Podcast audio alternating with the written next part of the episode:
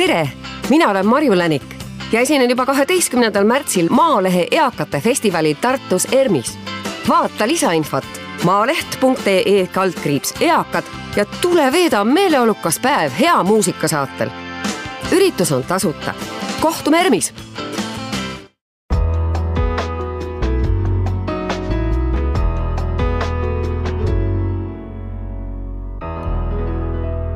tervist teile, head kuulajad!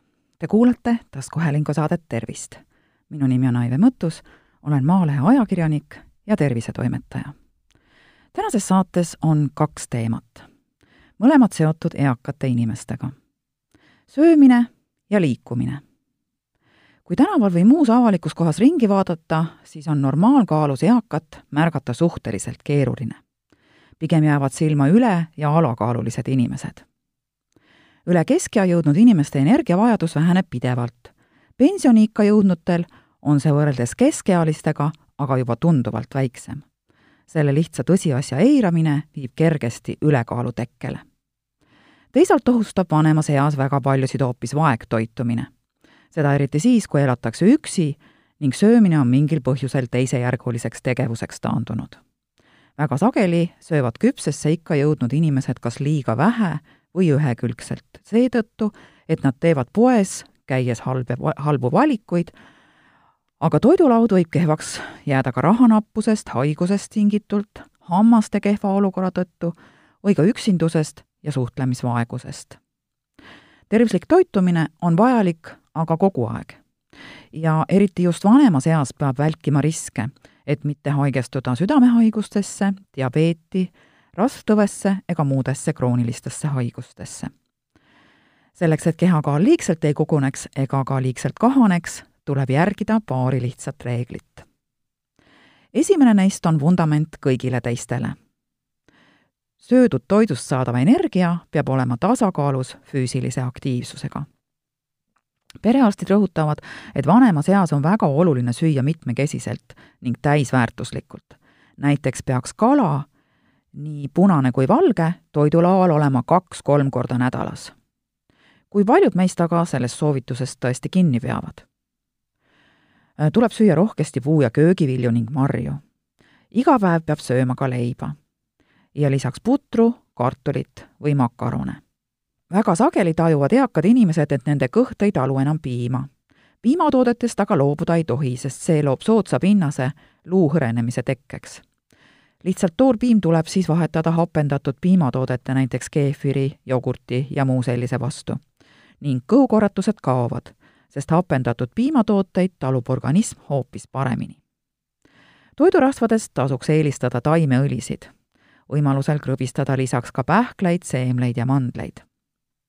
lisaks äh, toidust ja jookidest saadavale vedelikule peaks iga päev jooma kaks-kolm klaasi puhast vett selle juures tuleb aga arvestada tervisega. näiteks vedelikupeetusega inimesed peaksid seda, millal ja kui palju vett juua, kindlasti oma arstiga arutama.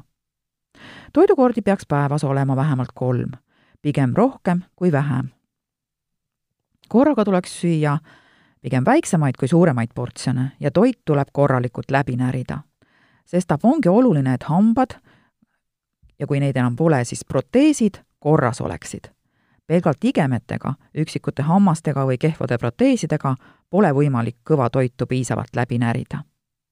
menopausi järgselt muutub naistel maahappesus varasemaga võrreldes madalamaks ning seetõttu ei imenda kaltsium nii hästi kui nooruses. kaltsiumi omastamine on keeruline protsess, mida soodustavad veel D, C ja A-vitamiin, magneesium, fosfor, boor, mangaan, raud ja küllastumata rasvhapped sellepärast soovitatakse kaltsiumit kasutada kindlasti koos adekvaatse D-vitamiini kogusega ning süüa mitmekülgselt, et organism saaks toiduga kätte kõik teised vajalikud vitamiinid ja mikroelemendid. eluaastate lisandudes inimese energiavajadus väheneb, sest kudedes jääb aktiivseid rakke järjest vähemaks ja see muudab kogu organismi ainevahetuse aeglasemaks lisaks arvatakse miskipärast sageli, et vanemad inimesed ei pea enam füüsiliselt aktiivsed olema peavad ning seda, et liigutaks soovitavalt õues vähemalt kolmkümmend minutit päevas, tuleb jälgida väga hoolega. sageli on eakatel suurenenud ka D-vitamiini vajadus, mistõttu on vaja selle üle, kui palju seda vitamiini võtta, kindlasti oma perearstiga nõu pidada. küpses eas inimesi kimbutab tihti ka kõhukinnisus. selle ennetamiseks tuleb süüa piisavalt kiudaineid, kas siis teratooteid või puu- ja köögivilju, juua piisavalt vedelikku, liikuda ning tarvitada hapendatud piimatooteid linaseemned on kõhukinnisuse korral väga hea abistav vahend. oluline on neid aga õigesti tarvitada, rääkis mõni aeg tagasi ajakirjale Tervis pluss meditsiinidoktor ja Tartu Ülikooli emeriitprofessor Selma Teesalu. tema sõnul ei maksa linaseemneid toorelt salati peale raputada, vaid neid tuleks kümme-viisteist minutit keeta, sest siis kaob nende toksilisus.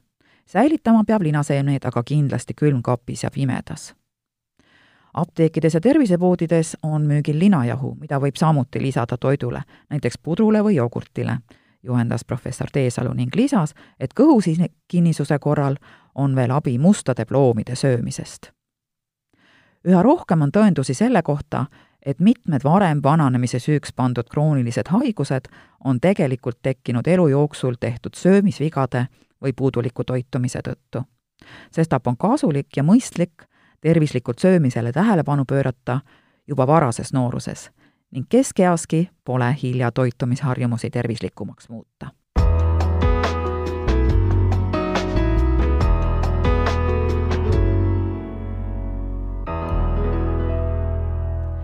vanus on siiski vaid number ja liikumisele see mingeid piiranguid ei sea.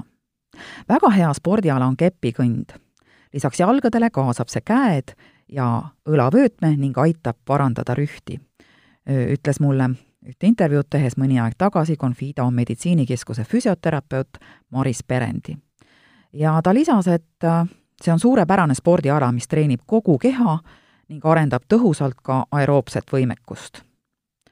Kaheksateist aastat tagasi raske autoõnnetuse tagajärjel viis kuud haiglavoodis lammanud endisele kahevõistlejale, pikamaajooksjale ja triatleedile möödunud sügisel seitsmekümnendat sünnipäeva tähistanud Rene Meimerile andis elutõu, elujõu tagasi just kepikõnd.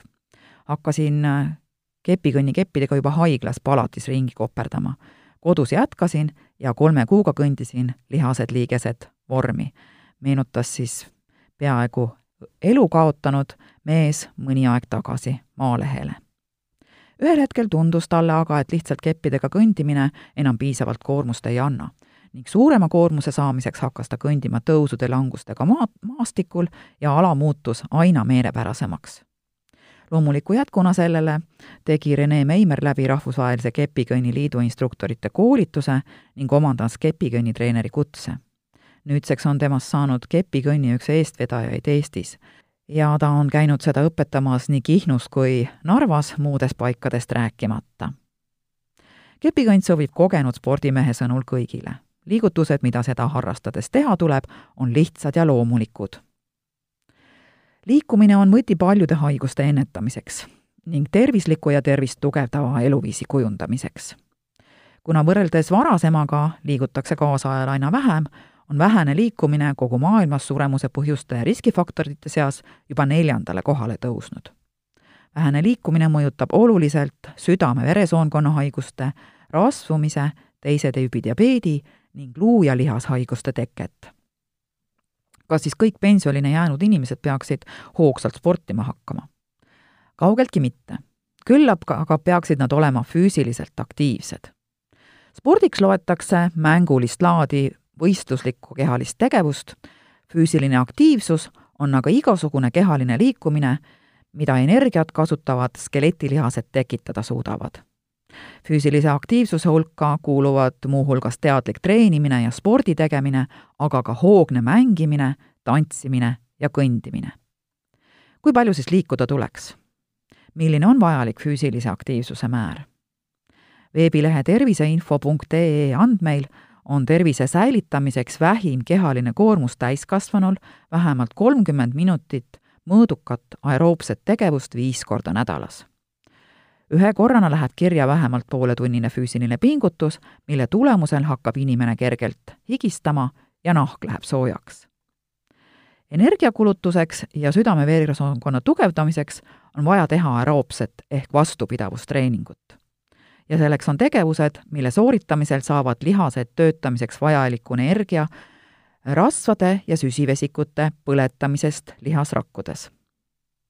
aeroobse treeninguna sobib näiteks harrastada ujumist, suusatamist, veloergomeetri või jalgrattasõitu, vesivõimlemist, kepikõndi, aga ka jooksmist. samas mõningase aeroobse koormuse annab ka hulk igapäevaseid tegevusi, no näiteks kõndimine, muru ja lehtede riisumine, aiatööd, akende pesemine, koristamine, lapselapsega õues müttamine ja ka tantsimine. oluline on meeles pidada, et tervist toetav tulemus ilmneb vaid siis, kui tegevus kestab järjepidevalt, mõõdukas tempos, vähemalt kümme minutit. milliseid liikumisviise tuleks aga eakal inimesel vältida? tasakaaluprobleemide korral tasuks hoiduda tegevustest, mille korral on kukkumisoht suurem. Liigeshäirete olemasolul peaks valima liigeseid vähem koormavad harrastused, ütles füsioterapeut Maris Perendi ja soovitas konsulteerida füsioterapeudiga, kes oskab anda nõu ja määrata individuaalsed harjutused. individuaalne harjutusprogramm eakatele peaks Perendi sõnul sisaldama nii aeroobset vastupidavust, jõudu, mobiilsust kui tasakaalu arendavaid harjutusi ja tegevusi. ja saate lõpetuseks. Küpsemas eas inimestele sobivad väga hästi just need liikumisviisid.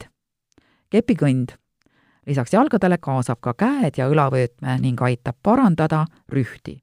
suurepärane liikumisviis kogu keha treenimiseks ja aeroobse võimekuse arendamiseks. muuhulgas aitavad kepid hoida ka tasakaalu. ujumine. vanemaealistele ideaalne liikumisharrastus, mis annab tõhusa koormuse südame-veresoonkonnale, arendab kõiki lihasgruppe ja parandab liigeste liikuvust ilma neid liigselt koormamata. sobib hästi neile, keda vaevab artriit või osteoporoos. tantsimine. mõnus treening nii kehale kui vaimule. mitmekülgne liikumisharrastus, mis parandab rühti, liigeste liikuvust, lihasjõudu, aeroobset võimekust, tasakaalu ja koordinatsiooni. veloergomeetri või jalgrattasõit. See on sobiv harrastus neile, keda vaevavad liigeseprobleemid või tasakaaluhäired veloergomeeter võimaldab arendada aeroobset vastupidavust ja lihasjõudu ilma liigeseid liigselt koormamata ja on turvaline neile, keda ähvardab kukkumisoht. funktsionaalsed jõuharjutused. no näiteks tooli kohal kükid, trepil üles ja alla kõndimine, ühel jalal seismine, varvastele tõusmine ja muu selline lihtsad harjutused tasakaalu ja jõu treenimiseks, et vähendada kukkumisohtu ning parandada toimetulekut ja iseseisvust igapäevastes tegevustes. head kuulajad, te kuulasite taskuhäälingu saadet Tervist. saate leiate Delfi podcastide pesast tasku, nutirakenduste Spotify, Apple Podcasts, SoundCloud ja teised. hakake jälgijaks ja kuulake just teile sobival ajal ettepanekuid teemade kohta, mida saates käsitleda, ootan teilt e-posti teel aadressil tervist.maaleht.ee. minu nimi on Aive Mõttus, olen Maalehe ajakirjanik ja tervisetoimetaja. tervist teile!